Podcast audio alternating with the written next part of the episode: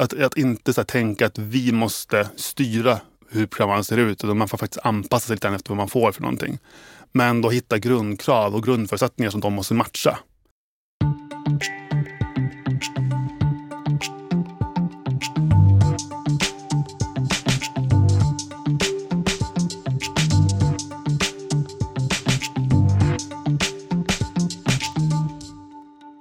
Henrik, Ted! Du det börjar närma sig jul. Ja, ja, ja. Nu jul, rullar julkampanjen Neurotomten på för fullt. Spännande. Ja. Har Ja, du det- någon jul hemskt hos dig? Ja, absolut. Vi har ju precis avslutat eh, Giving Tuesday-kampanj och eh, nu går vi eh, med hull och hår in i december och julen. Giving Tuesday, det var marknadschefen som swishade 20 spänn. Jajamän, det, det var jag med många fler som swishade 20 kronor. Det gick bra. Kul. Det gick jättebra Grattis. och det är ju jättekul såklart. Och hoppas vi att även julen ska rulla på. Det är ju mycket pengar som ska in och i dessa tider med oro så är det en nervös eh, marknads och insamlingschef som sitter och uppdaterar CRM och siffrorna. Du har inte släppt oron sen vi hade Mårten här? Nej, Du kan vara eh, lugn. Jag, är- jag, jag känner mig absolut mer lugn. Men man ska vara lite orolig också, då är man lite på tårna. Mårten såldes ju in som, som din kompis. Mm. Eh, och Men du har minglat. Jag har minglat och då tagit hit en som jag med dig har pratat om, Fredrik. Eh, som om vi har känt varann eh, länge, men vi har känt varann i tre veckor nu. Mm. Och du träffade honom på vad då för mingel? Jo, men jag träffade honom när eh, Adoveo hade ett eh, mingel och jag hade faktiskt den stora äran att prata insamlingspodden där. Mm. Det var Eh. kul att du kunde marknadsföra oss. Ja, finns som film på LinkedIn om man vill titta. Wow. Ja, det, det är värt att se tror jag. Och jag kunde inte gå för vi hade ju ett eget internt firande. Eh, Men då eh, var du inte bara på scenen utan du träffade då Fredrik. Och vad pratade ni om? Jo, men jag träffade Fredrik och han pratade passionerat om CRM-system. Och jag kände på en gång bara, det här är en podd. Vi står här och gör en livepodd. Kom till studion istället så har vi mickar. Ehm, eh, han pratade om att eh, förut hade de ett eh, digitalt anteckningsblock som CRM-system eh, och så började de titta på någonting och nu hade de landat i någonting annat som hade gett dem 43 procents ökning av medlemmar och över 100 procents ökning av autogirogivare. Och jag tänkte, Fredrik måste komma till studion och prata om CRM. Såklart. Och utöver att han heter Fredrik, vilken organisation jobbar Han med? heter Fredrik Nilsson, är insamlingschef på RFSL. Ja, men då öppnar vi väl dörren och bjuder in honom. Välkommen! Fredrik Nilsson va? Mhm. Ja, det är så. Det är ändå bra. Jag är ju så dålig på namn. Det är, det är inte min grej. Väl- Välkommen till Insamlingspodden. Tack så mycket. Kul att ha dig här. Eh, vi ska ju nörda ner oss. Det här är ett nördavsnitt. Välkomna alla som vill nörda i CRM-system. Eh, men vem är Fredrik? Ehm, Fredrik är en utflyttad eller nedflyttad norrlänning som eh, hamnade i Stockholm. Ehm, tack vare mitt engagemang för hbtqi-frågor. Ehm, så har jag hamnat här. Ehm, jobbet lurade hit mig. Norrlänning, hur, hur högt uppifrån Norrland är du? Ja, men halvvägs i Kiruna. Halvvägs till Kiruna. två stycken förvirrade själar här. Nej, det är Lycksele, Nej, strax, strax norr om Umeå. Strax norr om Umeå. Så ungefär rätt. Mm? Men du flyttade ner till Stockholm för jobbet. Precis, jobb på RFSL som avdelningsombudsman från början. Och jag tycker att jag är gammal i gamet på Operation Smile och att jag har varit där en evighet. Men du, det här var ett par år sedan. Du, Ja men precis, jag har varit engagerad i RFSL från 2001 och framåt och eh, anställd på RFSL sedan 2006 och framåt eh, och stockholmare då sedan 2009. Så att, eh, det har varit gått några år men fortfarande så är det både utvecklande och utmanande och jäkligt kul. Så att, Härligt! RFSL, eh, ni är ju eh, ni är ett medlemsförbund och ni eh, är en insamlingsstiftelse. Kan du förklara lite hur ni är uppbyggda och hur ni funkar? Ja men absolut. Föreningen RFSL, nu 72 år ung, eh, stark och vital, har 34 kanske avdelningar som i sin tur har medlemmar. Totalt nu snart 8000 medlemmar, så att vi har medlemsrekord även i år. Um, det är liksom medlemsföreningen och den demokratiska delen. Sen har vi eh, en förbundsstyrelse som under sig har ett förbundskansli där jag jobbar. Eh, tillsammans har RFSL då också ett bolag, RFSL Utbildning, som gör hbtqi-certifieringar och annat bra till företag, kommuner, regioner, allt möjligt. Eh, och sen har vi en stiftelse som är kanske, det borde veta, 10-9 år gammal. Som startades för att kunna 90-konto Eh, utan att påverka interna demokratin för RFSL. Eh, men som också ehm, ska liksom då vässa och stärka vår finansiering så att vi får mer pengar att göra det vi verkligen vill göra och behöver göra. I tider då kanske till exempel stat och annat inte stöttar eller står för det som vi tror på. Alltså jag älskar den här, det här är ju ett nördavsnitt som vi säger och bjuder på det. Eh, jag älskar den här uppbyggnaden också med ideell förening, med ett bolag och med en stiftelse. Det är bra. Ja, men härligt. Det, känns, det är inte helt unikt kanske, men det känns väldigt bra. Däremot blir det inte enklare, apropå CRM, att, att skaffa CRM-system som matchar de preferenserna. Eh, kunna hantera tre olika organisationer i CRM. -et. Nej, det, jag förstår utmaningen med det hela. Och då är vi inne lite grann på det här med CRM-system och, och, vi har ju längtat efter att få ha det här avsnittet, eh, Ted och jag. Eh, kan du reda ut för oss, vad är ett CRM-system och vad har man det till? Ja, men egentligen så kan man backa tillbaka till när jag började engagera mig i RFSL så hade vår medlemsansvarig i min avdelning hade ett eh, kollegieblock med lite olika färgflikar i och ett kartotek med medlemskort. Eh, det var liksom vårt dåvarande CRM-system. Ehm, sen, och det är väl det egentligen många har datoriserat. Så man har liksom ett digitalt kollegieblock som jobbar utifrån. Och det kan ju vara jättebra om man är en liten förening som inte behöver så mycket. Man behöver koll på sina medlemmar, kunna skicka ut ett utskick, dra ut en adresslista eller liknande saker. Men eh, vi vill ju kunna göra mer eh, och kunna koppla det till givande, kunna koppla det till engagemang, kunna koppla det till att har de läst ett styrdokument eller inte. det finns jättemycket här som man kan göra i ett CRM. Vi har inte gjort allt ännu, men, men vi har liksom ambitioner om att kunna koppla allt som handlar om medlemskap och engagemang till vårt CRM. Och då kan man se att vi, vi var inte på en plats där vi mådde bra med vårt CRM. Det, det funkar liksom inte. Uh, vi hade mer problem än stöd. Uh, och då var vi till slut tvungna att så här, ta ett omtag och se men vad behöver vi egentligen för någonting. Bara, eh, stanna upp lite grann ja? där. Vilka, kan du ge exempel på lite olika problem som, som ni stötte på som det här inte klarade av? Ja, men jättebra fråga. Mm. Um, det är min ambition och mål att uh, i att den här ställa podden bra ställa bra frågor. Ja, du gör det och jag blir så glad när du säger det också. uh, nej men eh, det här har man egentligen försökt förtränga då, för att det har varit en ganska jobbig och arbetsam period. Men, men eh, jag skulle säga dels så här att ja, men få ut rätt mejl till rätt personer. Uh, kan vara saker som inte alltid funkade.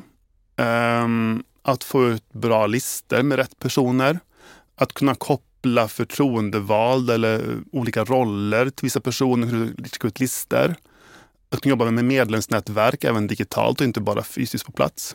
Eh, mycket sånt. Eh, tänka som, som strulade för oss förut eller inte funkade. Det var problem som ni stötte på? Ja, och sen skulle jag säga att vi hade mycket mer användarrelaterade problem som gjorde att vi, liksom, vi är två som jobbar med CRM hos oss.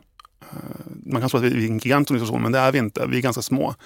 Och om då halva tiden går till att göra support på ett CRM som strular så tappar man jättemycket fart och kapacitet. Om man istället får lägga den på bra saker, på utveckling och på att få faktiskt jobba för det vi tror på. Eh, den här supporten och de här grejerna, alltså eh, CRM som strular. Eh, fick ni liksom så här göra beställningar på att nej, men då måste man göra om systemet för att anpassa det här? Och... Eh, men delvis, men någonstans var det också ett problem med att om inte grunden fungerar, om inte datat mår bra, så kan ju tilläggsfunktioner i oändlighet inte lösa det. Så att någonstans handlar det också om att vi kom till en gräns där vi sa att vi måste ha ett system där vårt data mår bra och där vi kan få kontroll på vårt data. Om man backar lite, du sa att ni var eh, bara två personer som jobbade med eh, CRM. Hur många är ni på Ja, men precis. RFSL totalt har väl ungefär 50 anställda på vårt förbundskansli Ehm, som jobbar med både nationellt, internationellt och eh, mm, med vår programverksamhet på olika sätt och utbildning. Och då även backoffice med då kommunikation, ekonomi och verksamhetsstöd och insamling. Um, så att vi är ju ganska många, men vi är ganska få som använder CRM på det sättet, uh, rent så adminmässigt. Sen har vi de som använder för utskick och annat och för kontakt med våra avdelningar och våra medlemmar. Men vi som liksom roddar i det praktiska givarservice-delen eller insamlingsdelen, vi är två stycken. Men hur, på, på den tiden, hur mm. gjorde ni med digitala utskick då? Uh, skötte ni det via CRM eller hittade ni egna lösningar vid sidan om? Nej, men eh, och vi egentligen, om man tittar tillbaka så har vi egentligen haft två olika CRM. Först så gick vi från det här då, kartoteket och eh, katalogblocket till en, ett digitalt egenbyggt system som vi hade i kanske sju, åtta år. Men det kom liksom före internet nästan. Så att det var liksom inte riktigt anpassat för så stora volymer och så stor digital hantering. Så att eh, då, sen bytte vi till ett externt system. Eh, och det är en stor omställning att gå från ett anpassat byggt för oss till ett som är så här stöpt i en form man får gilla läget. Eh, det var en stor omställning. Sen den formen det var stöpt i var inte så bra. Och eh, datat mådde inte så bra där. Eh, så att vi var liksom fast i en dålig situation med så här kostsamt byte, mycket dyrare, samtidigt så funkar det inte. Ehm, och där glömde jag en fråga. Eh, om ni hade flera system och nu har du sagt att ni hade två, ja. men hade ni för att skicka mejl till exempel, ja, hade ni Nej. mail, jag har ett annat jobbat, även då? för GDPR, tyckt om allt i samma korg. Mm. Jag vill liksom samla både risk och kostnader så mycket som möjligt, men också vår kunskap. Att jag vill vara bra på system vi använder. Om vi börjar använda flera olika parallella system så blir vi inte lika bra på dem. Och det blir knepigt med integrationer och kopplingar emellan och så vidare. Så jag vill alltså få system som möjligt som i då är medlems och eh, givarresan eller delen. Och det här med att eh, byta system, det är ju en eh, ganska stor apparat, både kostsam men också tar mycket tid och energi. Hur tog ni er an den här resan? Ja, först med några års ångest kan man väl säga. Men det var ju samtidigt som vårt befintliga CRM funkar inte. Eh, våra förtroendevalda hade ganska lågt förtroende lokal, lokalt i organisationen för vår förmåga att hantera ett CRM. För att det strular ju bara. Eh, och någonstans är man ju som ansvarig för det också den som ska stå och backa upp det här. Att, för det, det är precis, ursäkta att jag avbryter ja, det, men det är precis som, som på eh, Neuroorganisationen som jag jobbar, vi har ju också lokalföreningar, eh, som också har access och jobbar i det här systemet. Så att om man har sina 1200 medlemmar eller om man har sina 19 medlemmar så får de upp bara dem. Precis. Det, och det funkar likadant ja. hos er? Ja, eh, eller funkar det sådär i alla fall. Men det, eh, tanken var? Tanken var, eh, intentionen var, precis. Eh, och där kan man hamna i en sån där förankringsfälla nästan. Att säga, men vilka som har lyssnat in, men alla som är missnöjda, men det är alla. Ehm, alla också olika behov och preferenser och tankar runt vad CRM ska vara eller göra för organisationen. Men vi, för att också bygga förtroende så skapade vi liksom en, en, arbetsgrupp som skulle jobba med då det här. Vi valde att kalla det för verksamhetssystem för att eh, hitta någon sorts neutral definition av vad det är för någonting. För det är också känsligt vad man kallar det för. Um, och eh, där kom det fram då sida efter sida efter sida med behov. Där allting var lika viktigt. Um, och då såg man med så här, de här listorna med krav. Och det fanns ingen CRM som matchade dem. Uh, inte för vår plånbok i alla fall. Um, så att efter en, några uh, nedbrytningar, ihopbrytningar så valde vi liksom att vi måste rensa upp här och hitta så här, med några grundförutsättningar. Så då vände vi på det. Så här, men vad behöver vi för någonting för att klara vår grundläggande verksamhet? Och då landade vi nio stycken grundkrav på vårt CRM. Uh, och så kollade jag, men vilka mål har vi? Har du dem i huvudet? Nej, men jag har inte det. Uh, har du det, något exempel men, av de här nio? Att en medlem ska kunna betala, och redigera, betala sin medlemsavgift och redigera sina personuppgifter själv. Man ska inte behöva mejla medlemssupporten för att byta adress. Det ska man kunna göra själv. Man ska kunna välja utskicksnivå eller utskicksmetod själv. Vill jag helst kontaktas via mejl eller sms? Ehm, vill jag ha post eller inte post? Till exempel. Ehm, man ska också kunna logga in på en medlemsportal och där göra saker. Just det har vi möjlighet till, men vi har inte kunnat riktigt eh, bygga ut så mycket som vi vill, för vi har inte de resurserna. Men vi har liksom en, vi matchar alla de här nio behoven. Liksom handlar också om så här, framtidssäkra betalsätt. Att så här, systemet ska inte vara låst i en betalmetod, utan man ska kunna använda olika. Men lite sådär lite diffus men ändå ganska så här, riktat åt vilket håll vi ville växa åt och vi ville utvecklas. Och sen så hade vi också ett antal mål som inte vi har nått. Jag själv med en medlemsgrupp 2004-2005 med målet om 10 000 medlemmar till RFSL. Och där är vi inte än uppenbarligen, men vi är snart faktiskt närmare än någonsin. Eh, så att de målen la vi också in där. Alltså, men de här utvecklingsmålen har vi. Vi vill öka antalet medlemmar som också är månadsgivare. Vi vill öka antalet medlemmar. Vi vill öka antalet orter vi finns på. Och då la vi med det för offertförfrågan till några företag.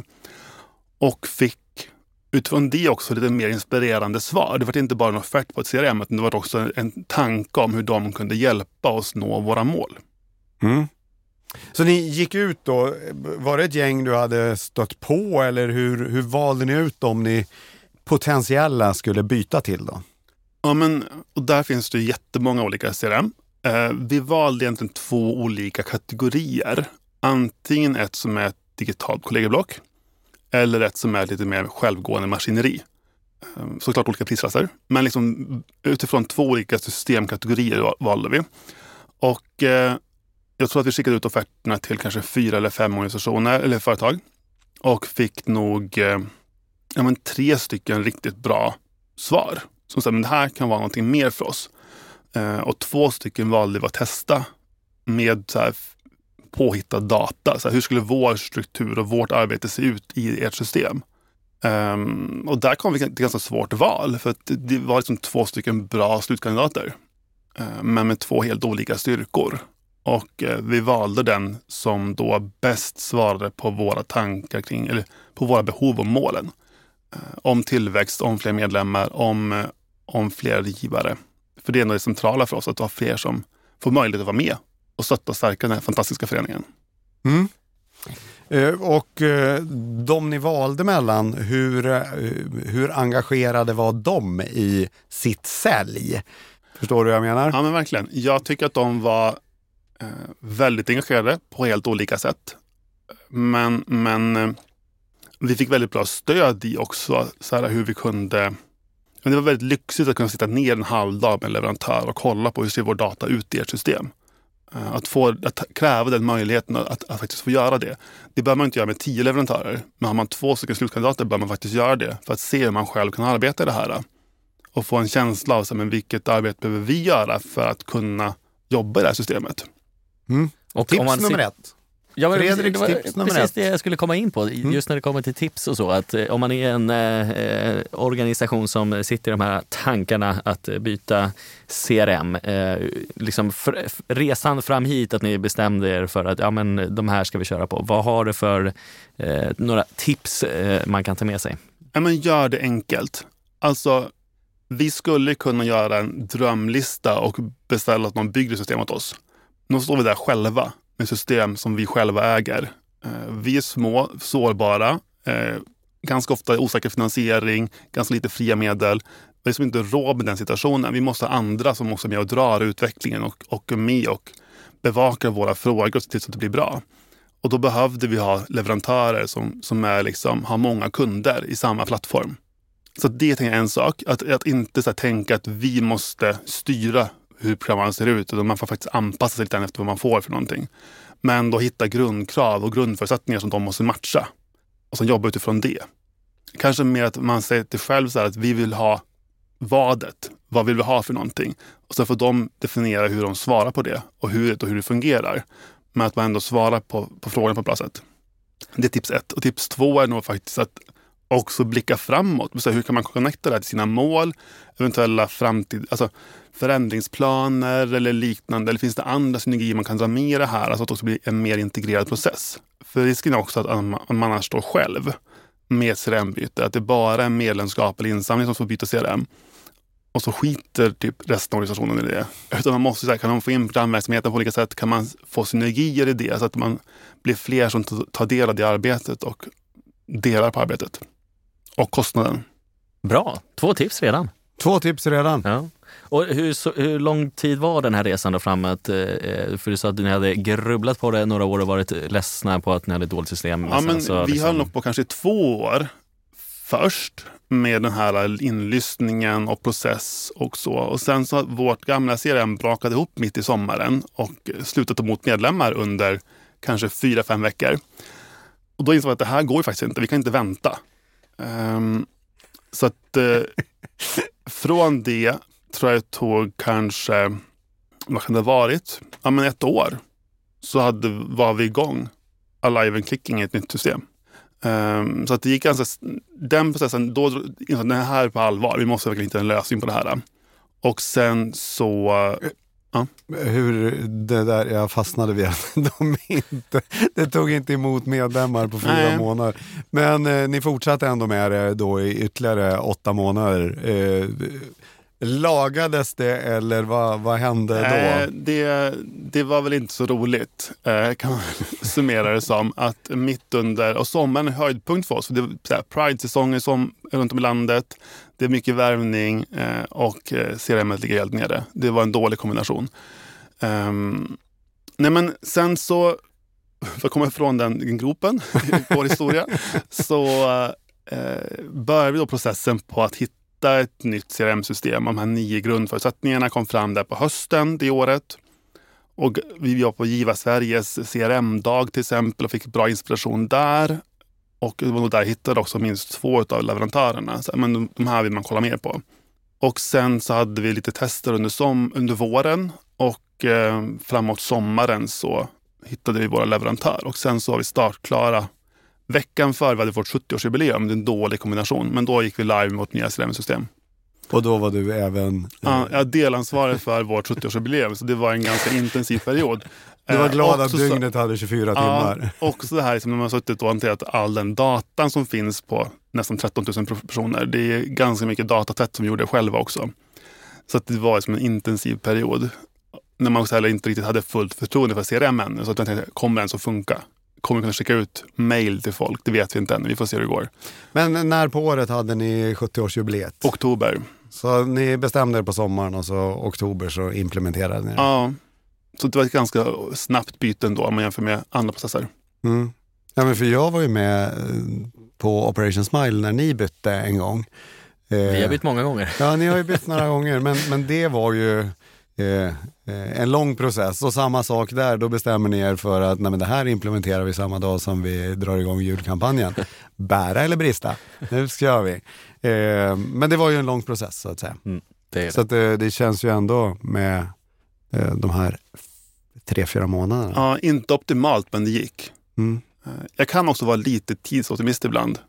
Så att det kan också påverka hur liksom planer sätts och sen pressas igenom kanske. KBK, kör vi så kör vi. Nej, kör bara kör. K kör bara kör. KBK, kör bara kör. KBK. Jo men den, den, den känner jag till. Den känner du till. Och den funkar ganska ofta. Ja, eh, jag delar den uppfattningen. Och sen då, efter implementeringen, vad, vad hände då? Då valde ni Salesforce, så vi ja, vet vad vi pratar om. Det Precis, är... vi valde Salesforce med Axenon som, eh, som vår partner. Eh, så att vi är nu kanske 20-25 organisationer som har samma, samma eh, system och samma upplägg.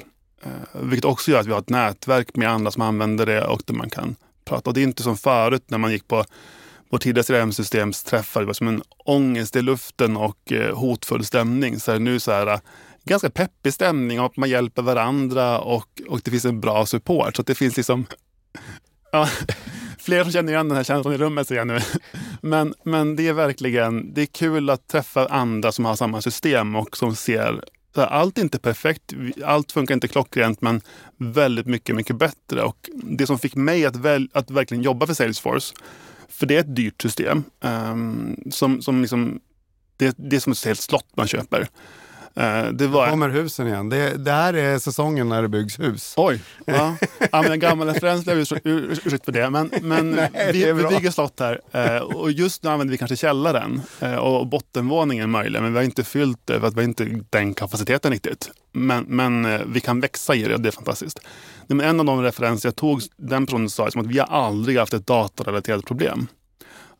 Och kommer som vi då från ett, problem, ett system som bara har problem med datat så är det ju en fantastisk sak att få höra.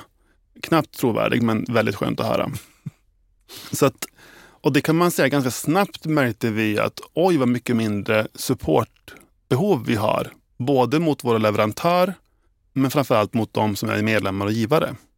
Och den skillnaden hänger i sig. Liksom att vi ser att vi, vi använder mindre tid och mycket mindre ångest till att hantera medlemmar och givare som det strular för. Så att det är en stor skillnad. En annan stor skillnad är att vi får koll på vilka som läser mejl till exempel. Vi kan se hur mycket mejl som studsar. Vi kan se liksom om mejlen når fram eller inte. Förut var det som att kasta ut ett gäng ballonger i luften och hoppas att de kom fram. Så, vilket de inte alltid gjorde. Eh, det var en hel del problem förut. Så det är liksom jätteskönt. Kan ni också använda er av de insikterna? Alltså det är något som vi måste jobba med att bli bättre på. Alltså, jag vet, jag var på någon föreläsning inför och CRM och då fick jag någon som sa att man skulle älska sitt data. Och det med att älska sitt data, det gjorde inte vi förut. För vi var så rädda för vårt CRM-system och eventuella alla fel där som kanske fanns. Det visste vi inte, men så mycket strulade. Um, men nu älskar jag vårt data och jag tycker om det, att lära mig mer och mer av det också. Vi har också ett system som kan visa på rapporter. Vi kan se liksom lätt ja, men så här, hur många nya medlemmar har vi den här månaden. Bara en sån sak. Det är kul att veta. Så att, eh, det är verkligen så här, och där är något som vi har bara gläntat på den dörren. Eh, vi behöver jobba mycket mer med att mäta och utvärdera våra kampanjer och se liksom vad som funkar och inte funkar. Men att bara kunna se på ett nyhetsbrev vilka länkar folk klickar på inte på individnivå men på så här gruppnivå. Så här, vad, vad, är populärt att klicka på? Vilka, vad, vad, funkar och vad funkar inte? Det är fantastiskt lärorikt. Att kunna se så här, med exakt hur många betalade den faktura de fick, eller ett medlemskapsanvisning de fick hem. Där man ser liksom att uppemot 50 procent betalar på det här sättet, resten betalar på det här sättet. Men då lär vi oss mer av det också. Jag älskar att ni inte äh, kunde se det innan. Ja, precis. Nej, men då, och, är det enkelt att kunna få ut uh, den här datan? Är det, är det användarvänligt på det viset? Eller uh, måste man vara ändå lite IT-nörd för att Alltså nu har vi fått hjälp att sätta upp rätt rapporter, rätt strukturer. Jag skulle säga att jag klarar av att göra det jag behöver göra för att ändå se och utvärdera det jag behöver veta. Eh, det är ganska bra anpassat till mig, den, den portal, den profil som jag ser när jag loggar in. Eh, sen om man vill så här, eh, pilla till lite grann och anpassa rapporter går det jättebra. Och man kan liksom bygga egentligen hur mycket som helst när man väl har lite koll på det. Och det är också en lyx med ett stort system. Det är att det finns ju Um, Trailhead är liksom ett, sam, ett produkt som Salesforce har där man kan gå egna utbildningar i Salesforce. Så istället för att köpa en dyr utbildning av leverantören så kan man gå, sitta hemma vid datorn på kafferasten eller efter kafferasten och liksom göra en kvarts utbildning lite då och då för att lära sig mer om en funktion i mejlutskickssystemet eller liknande. Så att man kan lära sig själv också. Och det finns en stor användarportal där man kan logga in också och ställa frågor eller sändas frågor och svar. Så det är ganska öppet och transparent på det sättet. Och det gör att man också kan lära sig själv. Vilket förenklar väldigt mycket. Mm. Det här med eh, slottreferensen, du sa att ja. ni var på källarplanet nu. Om ja, du blickar precis. framåt då, liksom potential med CRM, vad, vad, vad ser du då för er del, hur ni kan nyttja det ännu bättre? Ja, men dels mer diversifierad och personligt anpassad kommunikation. Um, kanske lite snabbare resor. Um, vi har idag inte alla våra... Så jag vill ha alla funktioner i en samma korg, men vi har inte allting i samma korg ännu. Och där behöver vi bli snabbare på att samla in datat i Salesforce så vi får tydligare och, och finare återkoppling till de som ger. Det är inte vi bäst på idag. Det kan vi bli mycket bättre på. Men vi ser att vi har några medlemsresor. Till exempel när man fyller år får man först ett, ett grattismail och fyller man och på dagen man fyller får man också ett sms. Och fyller man jämnt så får man ett vykort hemskickat med posten. Alltså den typen, vi har startat med några resor för att komma igång med det. Um, och det ser vi att det ger resultat. Så det ska vi jobba mer med också i så här lojalitet och, och känna sig sedd av organisationen. Så det är liksom en bonus på det sättet också. Men hur mycket av det sköter Salesforce eh, per automatik, alltså de här utskicken? Är det någon manuell hantering ändå hos er eller hur? Ja men precis, och där, där är det så att vi, alltså själva sms och mejlet går automatiskt, bara flyter på löpande en resa till alla som har valt att få e-post och sms. Eh, och sen får vi en rapport eh, utdragen automatiskt som man bara klickar in sig på och eh, där får man alla adresser. Och så har jag en underbar kollega, Sara, som sitter och skriver vykorten och skickar ut dem till de som fyller jämnt. Älskar att ni kör det för hand. Det är fantastiskt. Ja, men eller hur? Det känns som att det blir lite personligt. Och vi har fått ganska, eller väldigt fina personliga tackvykort också. Mm. Från då personer som tackar för gratulationerna på bemärkelsedagen. Så att det är jättefint att få liksom den typen av återkoppling Wow. också. Ja, Ja. det är ju... Det Det jättekul. brevkompisar också. Ja. Men det blir nästan så. Och någonstans tänker jag att det, jag vill alltid ha med ord som till exempel omtänksamhet när man tänker så här insamling. Alltså, det ska också visa på sätt att, att den som jag ger också får ett mervärde tillbaka. Och då, då tänker jag att till exempel få ett vykort tillbaka tycker jag är viktigt. Att man får den typen av återkoppling. Eh, och det, det är värdefullt för, för en del. Jättefint. Sen är det också för barn som tycker att det är hemskt att vi gör det här för att det påminner folk om deras åldrande. Jag tänker att ja, men det, är väl, det kan jag ta. Eh, Jag kan hantera någon som inte tycker om det. eh, När man får så fina tackkort från andra. Jag tycker inte om att jag fyller år. Det är ändå... Du fyllde år igår. Ja, det Men var grattis jättekul. i efterskott. Ja, tack. tack. Jag firade dig mitt i updaten för vad vi skulle prata om i den här podden. ja, nej men. Eh, vi var inne på om det där skötte saker och ting automatiskt och så sen så var det rapporter och så här om det bara var att trycka på en knapp eller om man måste vara kodare för det. Eh, det tredje, och det var du inne på tidigare här, att du älskar din data. Ja, mer och mer. Ja, Inte fullt ut ännu, jag måste fortfarande lära mig mer. Eh, och det är en tidsfråga. Att så här, det tar tid att byta CRM. Eh, det tar tid att lära sig ett nytt CRM. Och där har inte jag hunnit prioritera så mycket som jag hade velat. Det var fjärde tipset du kom med där nu, som Oj. folk ska ha med sig. Vad sa jag för någonting? Att det tar tid Ja. att implementera ett CRM. Det är Ja. inte bara fyra månader KBK, utan Eh, det, tid. det kan vara, jo, men det är fyra månader KBK först. Mm. Eh, och sen står man där med slott man inte vet hur det funkar. Eh, och då behöver man lära sig det. Gärna lite före. Det är också ett tips då. Att, att faktiskt men lära sig systemet före. Använd det lite grann i förväg och så. Men, men ja, prioritera tid att lära sig syste- systemet. Du hade fyra tips. Kan vi få ihop ett eh, femte också Fredrik? Ja, men jag tänker att det här att- Handen full. Handen full, precis. Fem tips, fem, fem fingrar. Nej, men jag tänker att eh, prata med andra också. Lyssna in när andra gör, vilka system andra har. Eh, för mig var det viktigt, jag var på IVA Sveriges CRM-dag. Fick lite tankar, inspiration, fick här, prata med olika leverantörer. Men också hitta andra där som man kunde prata med. Och Det var jättegivande. Sen hitta en organisation som är i din storlek eller din, upp, din struktur som matchar den. Som du tycker verkar göra bra saker. Kolla med dem och gör för någonting. Ehm, jag är också medlem i IVA Sveriges CRM-nätverk. Det är ett bra sammanhang att prata CRM, hur man kan utveckla och växa i det man har också. Det handlar inte alltid kanske om att byta utan få en nytändning med det system man har. Man kanske behöver bara lära sig det lite bättre för att nyttja det bättre. Smart. Där någonstans sitter väl jag med mitt eh, CRM-system. Behöver lära mig det mer, för det finns en massa data där. Men eh, hur i helskotta kommer jag åt den då? Eh, Ja, och när får man tiden att göra det? Mm. Det är en bra fråga. Och vad ska man göra av den? Vi har alla våra utmaningar. att Ni får ett dataavsnitt. Ja, Du nämnde i förbifarten att Salesforce, ja det är ett ganska dyrt system. Mm. Där ni, vilka liksom prisklasser finns det på de här olika eh, systemen? Alltså, jag skulle säga att det skulle kunna vara mycket billigare. Utmaningen för oss är att vi har så många lokala administratörer som är inne och har licenser. Det drar upp kostnaden. Så att det, det gör det lite dyrare. Men, men om man ser på hur mycket vi faktiskt har vunnit också. Vi har haft medlemsrekord två år i rad. Vi har haft en jättehög återkonvertering på medlemmar. Så ser jag som att men då är det en värdefull investering. Eh, sen skulle vi behöva bli bättre på att använda systemet fullt ut.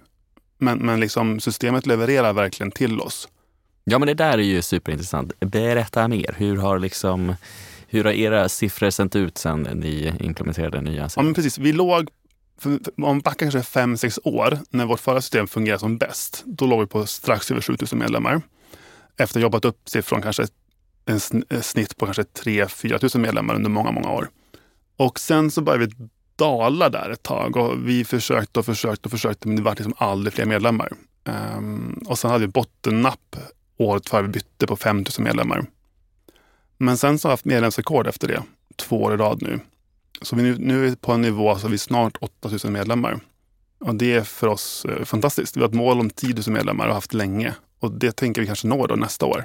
Om vi Hur- fortsätter ökningen. hur stora av andel av den här ökningen är sådana som, ni har, som har blivit medlemmar igen helt enkelt? Ja, det är en bra fråga. Med tanke på då att datat vi hade förut inte mådde bäst. Så, så kan inte jag riktigt svara på exakt vad som är återvärvat och nyvärvat. Men, men eh, en stor del, om man ser på första, just när vi gick igång live och första aviseringen så hade vi en väldigt bra återvärvning. Mm. Så det kunde man säga då. Och det, den matchar inte det vi hade i vårt tidigare CRM-system. Nej. Eh, och, och eh, jag höll på och räknade upp olika delar i det där. Mm. Eh, betalningslösningar då? Du och jag träffades hos eh, Adoveo och det var då du berättade om det här att det bara bara CRM gör att vi får in massa nya medlemmar och ökar antalet gi- autogirogivare. Men hur är kopplingen till eh, betal- olika betalningslösningar som till exempel Adoveo, Swish?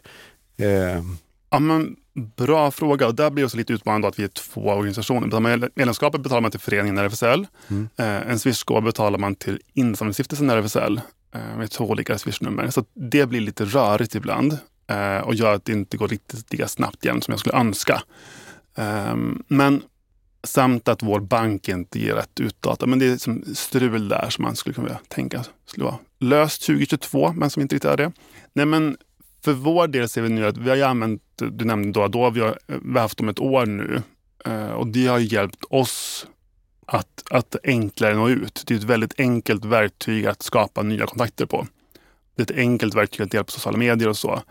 Sen kan jag tycka att det borde finnas redan i alla CRM-system, eh, det de gör. Men de gör det så snyggt och bra så att det, det är värt den extra slanten att, att ha dem. Um, men vi, man kan betala idag med kort Eh, och eh, Swish och via Adobe. Då. Och vi jobbar på att hitta fler lösningar med direktkoppling mot bank till exempel. Ehm, men där är det egentligen bara ens egna kostnader, eh, pengar som sätter stopp för vad man vill, vill göra. Det går att göra mer än så. Men, men vi har också valt att börja enkelt också för att vi har haft ett stort tryck på oss att ha Swish. Det hade vi inte förut. Så då började vi med det först. Och det är ju väldigt många som har Swish och väldigt många som vill använda Swish. Så att det var rimlig början. Sen det jag är mest stolt över egentligen allt det här, det är att vi fick till en funktion, det tror inte jag någon annan har ännu. Man kan bli medlem i RFSL och månadsgivare i Insamlingsstiftelsen RFSL med samma klick. Eh, och det sköter systemet om. Eh, den, den tycker jag är väldigt bra för att förenkla det. För att många vill ju vara månadsgivare till exempel och tänker då att man också är medlem. Men det är man ju inte. Så att en gång per, må- per år så dras medlemsavgiften från månadsgivandet och de andra LO-dragningarna är eh, en gåva. Så att det är så här också ett tips man kan göra med ett bra CRM-system. Att man kan faktiskt göra det enklare för givaren att göra rätt och ge pengar. Snyggt. Sen kan man också välja att betala in hur mycket man vill. Eh, Så löser CRM ett rapporter på vad som är en gåva och vad som är medlemsavgift. Så man väljer att betala in upp till 5 000 kronor. Det kostar en hundring per år. Men man kanske har råd med mer. Kan ge en gåva samtidigt. Och det kan man också göra nu. Så det, det är skönt också att ha ett system som kan vara lite flexibelt och möjliggöra eller förenkla för den som vill ge gåvor eller hjälpa till. Du sa att ni delar ju som sagt på insamlingen och medlemmarna. Mm. Men hur mycket pengar samlar ni in? Ja, men, kul fråga. Det är faktiskt eh, 2022 har varit ett väldigt bra år för oss. Eh, vi, vi kommer nog passera fem miljoner i insamling i år. Och det är fem gånger mer, eller fyra gånger mer än vad vi hade förra året. Så Det är en väldigt stor ökning. det är en ökning. Dels Och det, allt tack vare CRM. Nej, eh, allt tack vare att vi var väldigt snabba i, eh, när det hände i Ukraina, att Putin invaderade. Så var vi ute från dag ett med insamling och ett viktigt budskap eh, som, som eh, kopplar oss an till det arbete som våra partners gör i Ukraina. Och det fick en enorm spridning. Så vi fick en väldigt stor insamling och många nya kontakter den vägen. Och så fick vi ett arv som kom. Eh, och när de kom kan de vara, både stora och små. Det här var lite större. För oss var det större. Så att det har liksom vänt upp och ner eller gjort något helt annat med vår budget i år. Men grattis. Tack! Men och, de, de kom in vid Ukraina, har ni liksom lyckats hålla dem eh, vid liv och engagerade? Ja, men det pågår just nu eh, telefonsamtal till de här personerna för att få dem att bli månadsgivare eller ge en engångsgåva till. Så det jobbar vi på nu att konvertera dem. Ni, Tillsammans ni, med tack såklart. Att främst ett tack för med gåvor. För många är ganska stora pengar. Men nu försöker vi också konvertera dem till månadsgivare. Hur är det att ringa dem som skänkte till Ukraina nu? Alltså vi ringer inte själva en underbar byrå som gör det åt oss och jag har inte följt upp hur det har gått sista tiden. Ehm, vi ringde först de som är medlemmar och har gett en gåva. Och sen börjar vi ringa de som inte är medlemmar i Götungåva. Så att, eh, vi börjar med mest lojala först.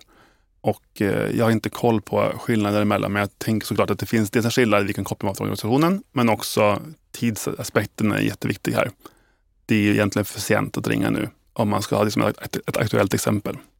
Och nu är vi mitt inne i jultiden. Det är Jaha. julkampanj och grejer. Hur ser eran julkampanj ut och eh, växlar ni upp nu när ni har ett bättre CRM? Nej, men det här är lite kul fråga. RFSL, vi har typ aldrig gjort en julkampanj. Eh, utan vi har våran Pride på sommaren. Eh, då har vi vår julkampanj. När, när alla andra semester, då syns och hörs vi överallt. Eh, och då har vi ett bra fönster för det. Vi brukar jobba med eh, Giving Tuesday som en tackdag, ett tillfälle att tacka. Eh, och sen så har vi återavisering eller påminnelseavisering om medlemskap i december. Så det har vi fokus på ganska strikt. Sen kommer vi nog jobba med att utveckla det och vi ser gärna, tar jättegärna emot företagsgåvor och liknande, till exempel kopplat till julgåvor och liknande. Men vi har ingen, jag har inte haft under flera år någon liksom, utarbetad sån julkampanj. Så att eh, det, det, det är faktiskt lite skönt att inte ha den stressen också. Det räcker som att det är fem veckor kvar på året, eller fyra när det sänds kanske, och eh, ha liksom eh, panik och ångest över allt man ska göra som man har lovat att göra under året för, till sina medlemmar och eh, givare att hinna klart med det. Så det, det räcker. Då är det Ted och jag som får gnugga julkampanjer. Ni får lösa det istället. Mm. Det är ett ganska trångt utrymme också. Att, vi har också märkt det, till exempel våra medlemsavgifter som skickas ut i december går inte lika bra som skickas ut i maj till exempel. Så att vi försöker styra liksom att vi gör mindre i december och mer på andra tillfällen för att det faktiskt går bättre.